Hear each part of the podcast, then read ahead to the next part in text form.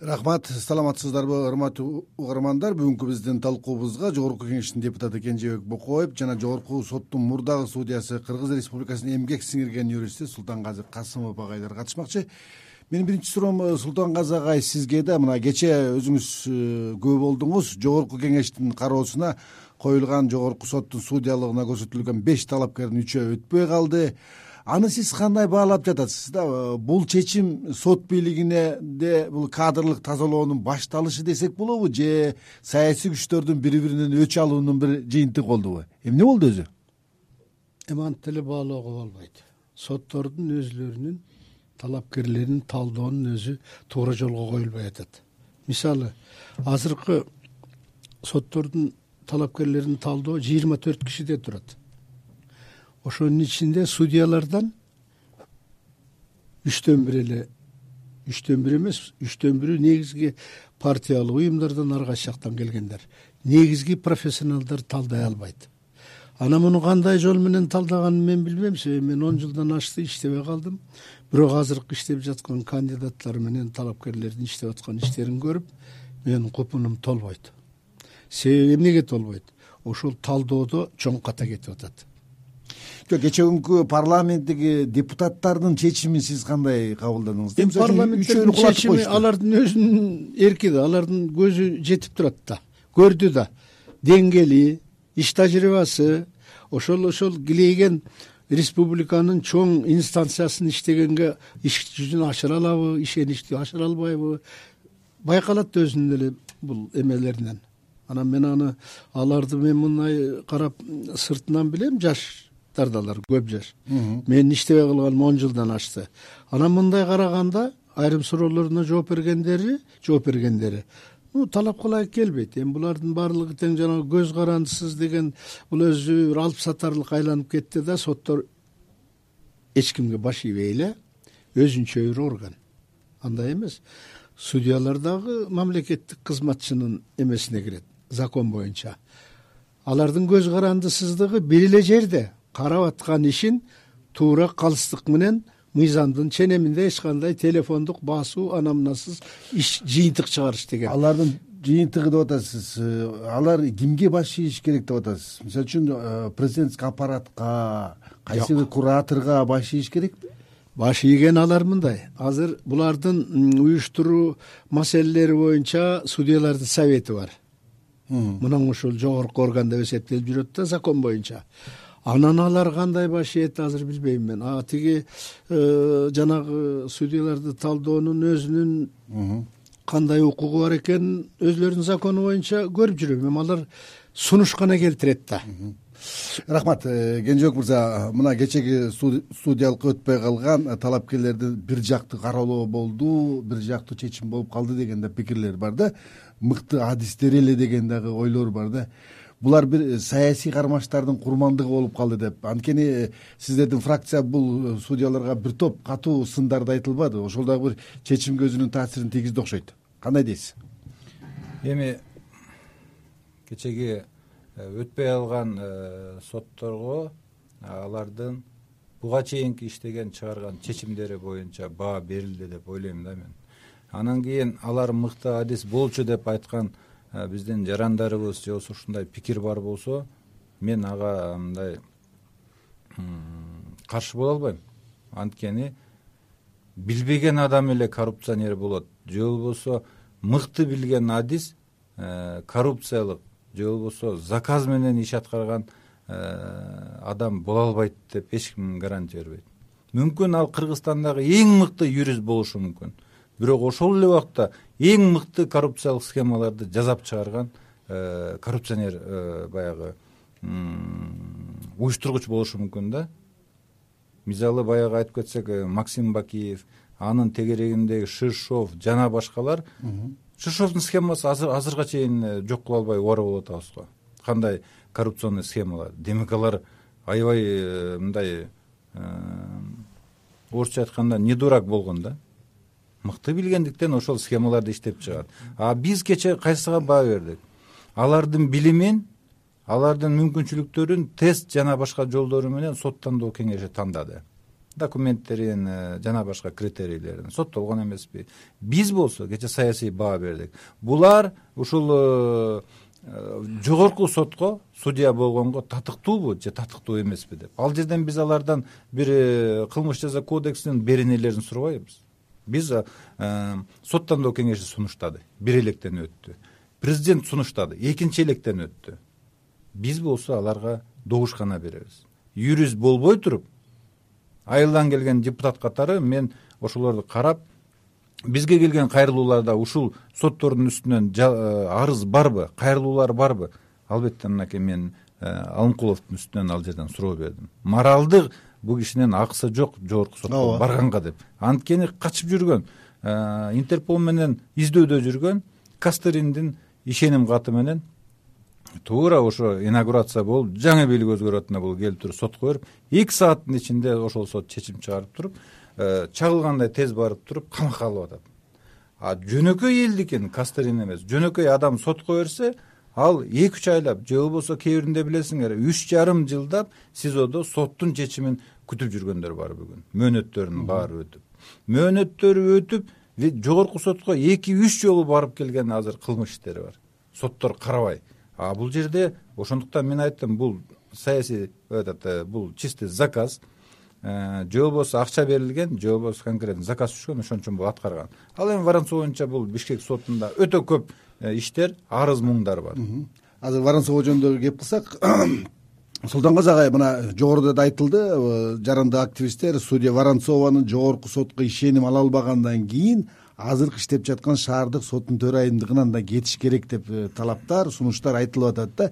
Сиз бул көрүнүштөн бир моралдык бир мыйзамдык жоопкерчиликти көрүп атасызбы? Кандай кылыш керек эми бул? Бул өзү моралы жок эле мыйзамдын талабы боюнча. Ошончолук ишеничти актайбы деп жогорку сот эң чоң инстанцияга көргөзүп атса андан өтпөй калса анан кийинки инстанцияга иштей алабы. Автоматикалык жол менен чыгыш керек да өзү эле.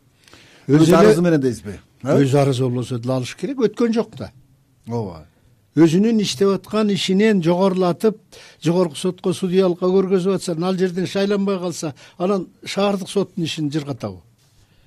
Бул өзү моралдык жагынан деле логика байкап көрсөңөр мисалы советтер союзунун түшүндө тияка өтпөй калса сразу ишинен алып таштачу себеби моундай судьялык конкурстан жогорку соттун судьялыгына өтпөй калгандыгына байланыштуу деп туруп алып таштайт бул эмгек кодексинин эмесин бузган болбойт? Туура болот алып салган. Анан эми жогорку сотко шайланбай калып ылдыйкы турган соттордун төрайымы болобу боло албайт ушул жерден мен да кошумча кылып э, э, кетким келет да мына султан агайыбыз да туура ойду айтты. Кечеги добуш берүүнү эгер карай турган болсок воронцового канча токсон бир каршы бекен ооба ооба эгер токсон бир э, депутат жүз жыйырманын үчтөн экиси андан да көп үчтөн экиден да көп добуш буга каршы берип атса элестетсеңер ушунча добушту алыш кандай кыйын. Анда бул бишкек сотунун жөнөкөй судьясы эмес төрайымыдан өзү кетиш керек болбосо мен ойлойм келечекте биз мыйзамга өзгөртүү киргизиш керек экен. Ким да ким жогорку сотко коюп ал жерден көпчүлүк добушту албай калып туруп өтпөй кала турган болсо мурунку ээлеген кызматынан да Э, бошотулушу керек депчи. Мөөнөтүнөн мурда. Анткени алар кандай? Мына өтүп кетсем жогорку сотко барам өтпөй калсам бишкек сотунда иштей берем. Мындай болбош керек да.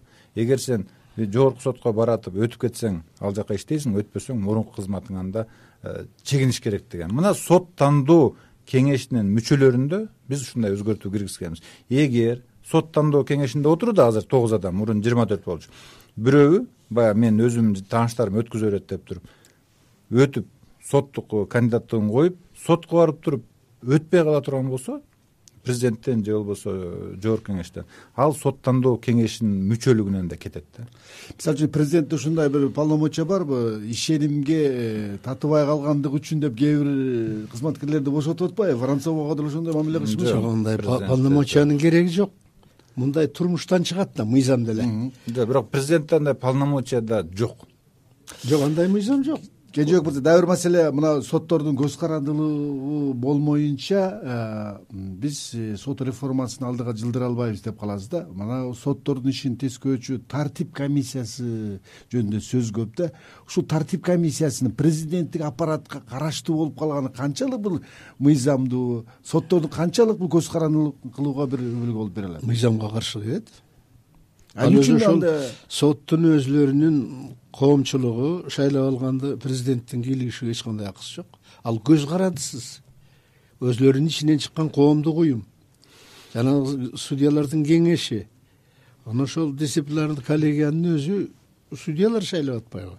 Алардын өзүлөрүнүн жообосу бар жобого ылайык жободо көргөзүлгөн эмес президенттин көрсөтмөсүн кошумча кылып кетейинчи. Мына тартип комиссиясы жакында эле баягы акыркы референдумдан кийин өзгөртүү киргизилбеди ага чейин бир гана азыр мына султан агай айткандай бир эле э, соттордун кеңеши чеччи. Арыздар болсо ошону карачы. Азыр болсо биз өзгөртүү кылып ал туурабы туура эмеспи аны келечек көрсөтөт. Ошол соттор кеңешинин астында тартип комиссиясын киргиздик ал президенттин астында эмес администрацияга карабайт. Бирок ошол тартип комиссиянын ичинде үчтөн бир неме курамын президенттин сунушу менен киргизилди да. А бирок ал соттор кеңешине эми эмне үчүн киргизилди? Ушундай эле сотту эч ким ала албаса шайлангандан кийин.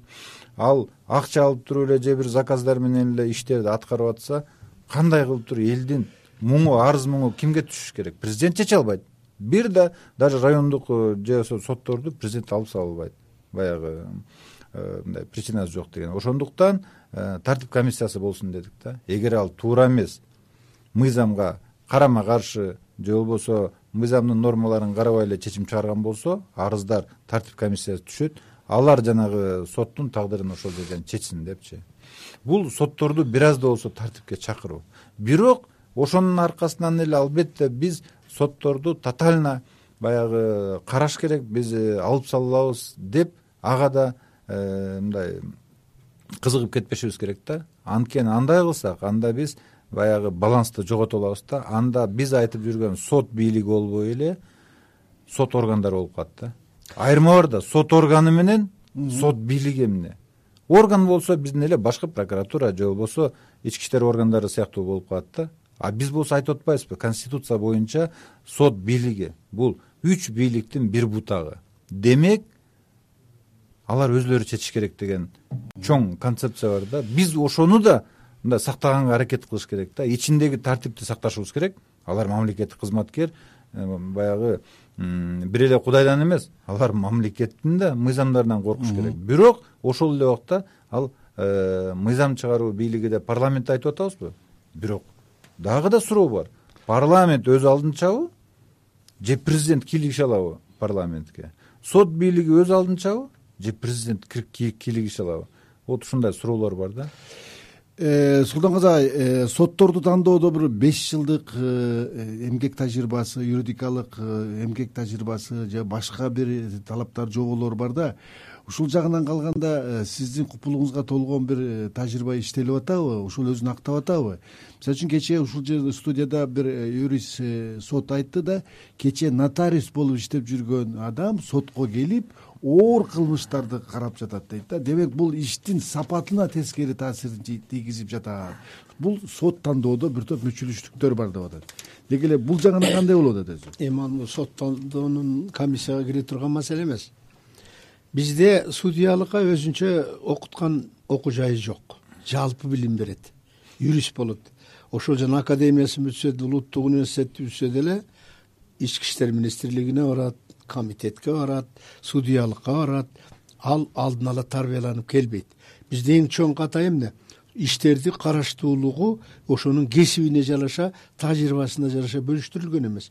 Мисалы снг өлкөлөрүндө өзгөчө оор менен оор кылмыштарды өтө татаал болуп баратса областтык соттун жогорку соттун судьялары карайт.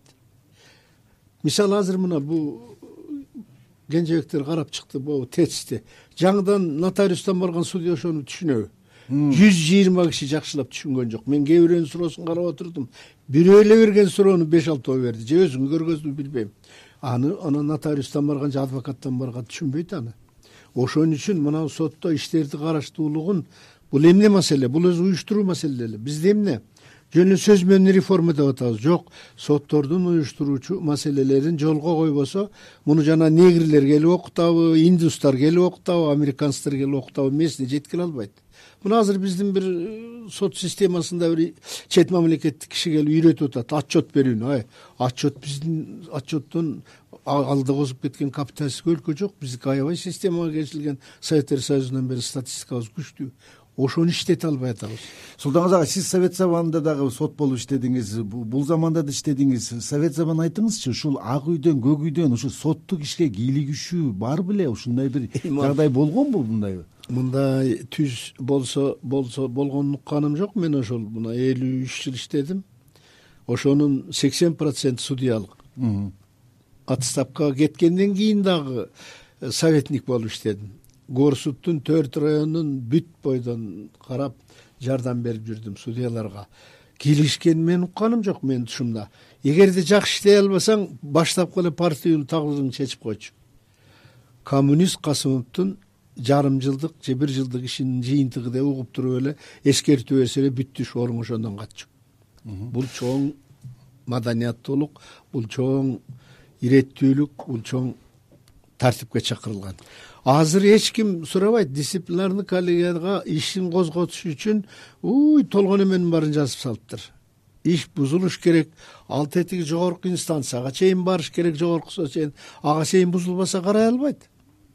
Мына бүгүн эле карабайсызбы? Мынакей э, эки э, судьяны айтып кеттик азыр э, воронцова менен алымкулов да мисалы парламенттен добуш берүү менен токсон жетимиш депутат каршы добуш берди.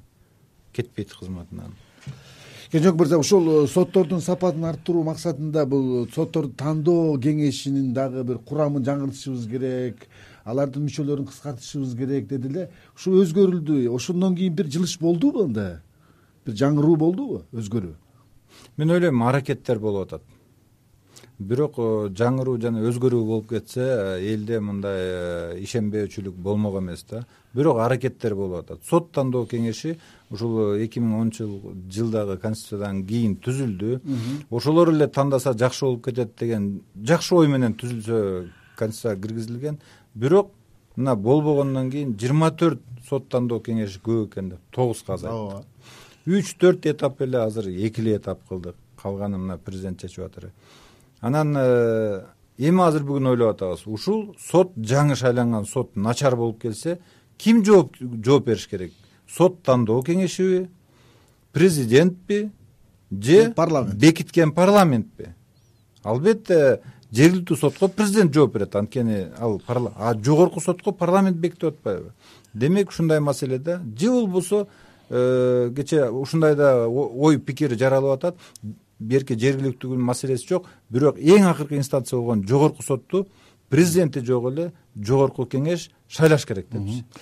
Ошондо өз алдынча болот деп. Султан агай мына э, соттор азыр башка мамлекеттик органдарга караганда көп айлыкты ушулар алат экен. Булардын материалдык техникалык базасы акыркы жылдары дагы жакшырды жакшырып атат.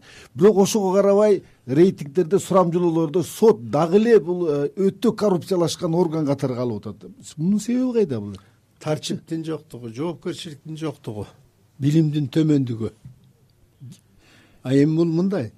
Азыр мисалы жогорку сотту алсаң жогорку сотту эч кандай укугу жок председателинин бул өзү сөйлекет эле турган ичинде эчтекеси жок. Кадр талоого кийлигише албайт кадрды сунуш кыла албайт мыйзамдын долбоорлорун эмете албайт соттук практиканы жалпылаштыра албайт ага мээси жетпейт. Анан соттун пленумунун токтому башкалар үчүн чоң сабак болуш керек. Бул чоң университет өзүнчө. Ал пленум токтом чыгара албайт себеби соттун практикасын жалпылаштыра албай атпайбы жалпылаштыруу деген мисалы хулиганчылыкты республика боюнча кандай карап атат законду кандай? Адам өлтүрүүнү кандай? Зордуктоолорду кандай карап атат? Ошонун баарын окуп жалпылаштыруу. Эгерде мен керек болсо ала келет элем мен төрт соттукун көрдүм. Сотто ишти кыскартуунун бул чоң коррупциялык милдети бар. Бизде тогуз статья бар. Ай авариянын сексен эле проценти эркинен ажыратылган жаза берет бербейт. Элдешилген моралдык зыянды төлөп бергендей болуп кыскартып берет. Үчтөн киши өлтүрүп атса да бошотулбайт эметилбейт кенжебек мырза мына сотторду президенттик аппаратка андагы бир кайсы бир кураторлорго бир баш ийип калган мына орган катары да бир мүнөздөп келишпедиби. Эми ал куратор дагы ишеним артылбай кызматтан кетти. Бирок ошондой кураторлор жаңы президенттик аппаратка болбойт дегенге кепилдик барбы мындай бир? Болбош үчүн эмне кылыш керек анда? Кепилдик жок президенттин мөөнөтү бүткөндөн кийин гана мына кечээ атамбаевдин мөөнөтү бүттү манас арабаевка баа берилди.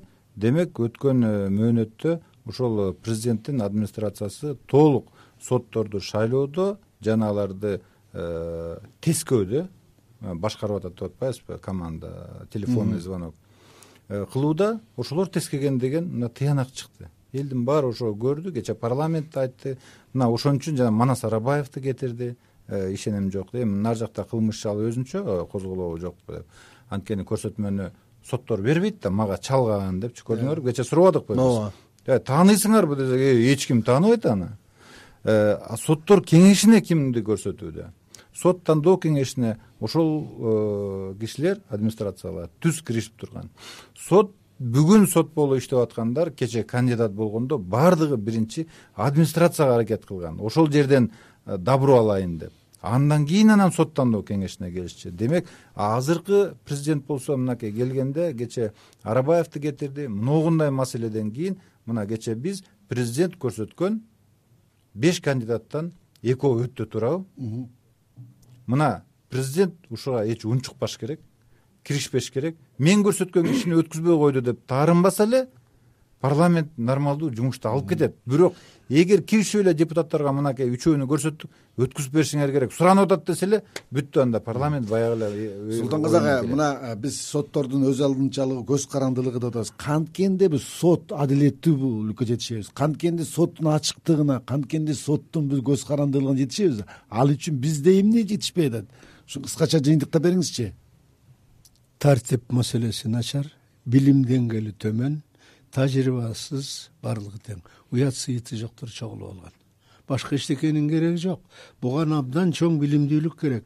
Судья болуш үчүн билесиң бухгалтерский учет судебный медицинаны билиш керек койчу биолог да болуш керек химик да болуш керек баардык жагынан болуш керек.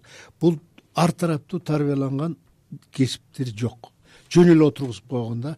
Ошон үчүн бизде азыр жоопкерчилик жок мурдагы жылы бекен былтыр ушул сот реформасын биз далайын бүтүрүп койдук деп атамбаев мактанган жогорку жакта. Бир закондорду кабыл алууда. Сексен процентин алмаштырып таштады сексен проценти менен жаңылаткан жок сексен процент ишин төмөндөттү. Рахмат урматтуу радио көрөрмандар бүгүн биз э, жогорку соттун судьялыгына келген э, аракеттердин аркасында кандай соттук реформалар бизде болот? Келечекте кыргыз сотунун өз алдынчалыгы кандай болуш керек деген темада кеп кылдык. Бүгүнкү биздин талкуубузга жогорку кеңештин депутаты кенжебек бокоев жана жогорку соттун мурдагы судьясы султанказы касымов катышты берүүнү мен бакыт оорунбеков алып бардым кайрадан эфир аркылуу жолукканча саламатта калыңыздар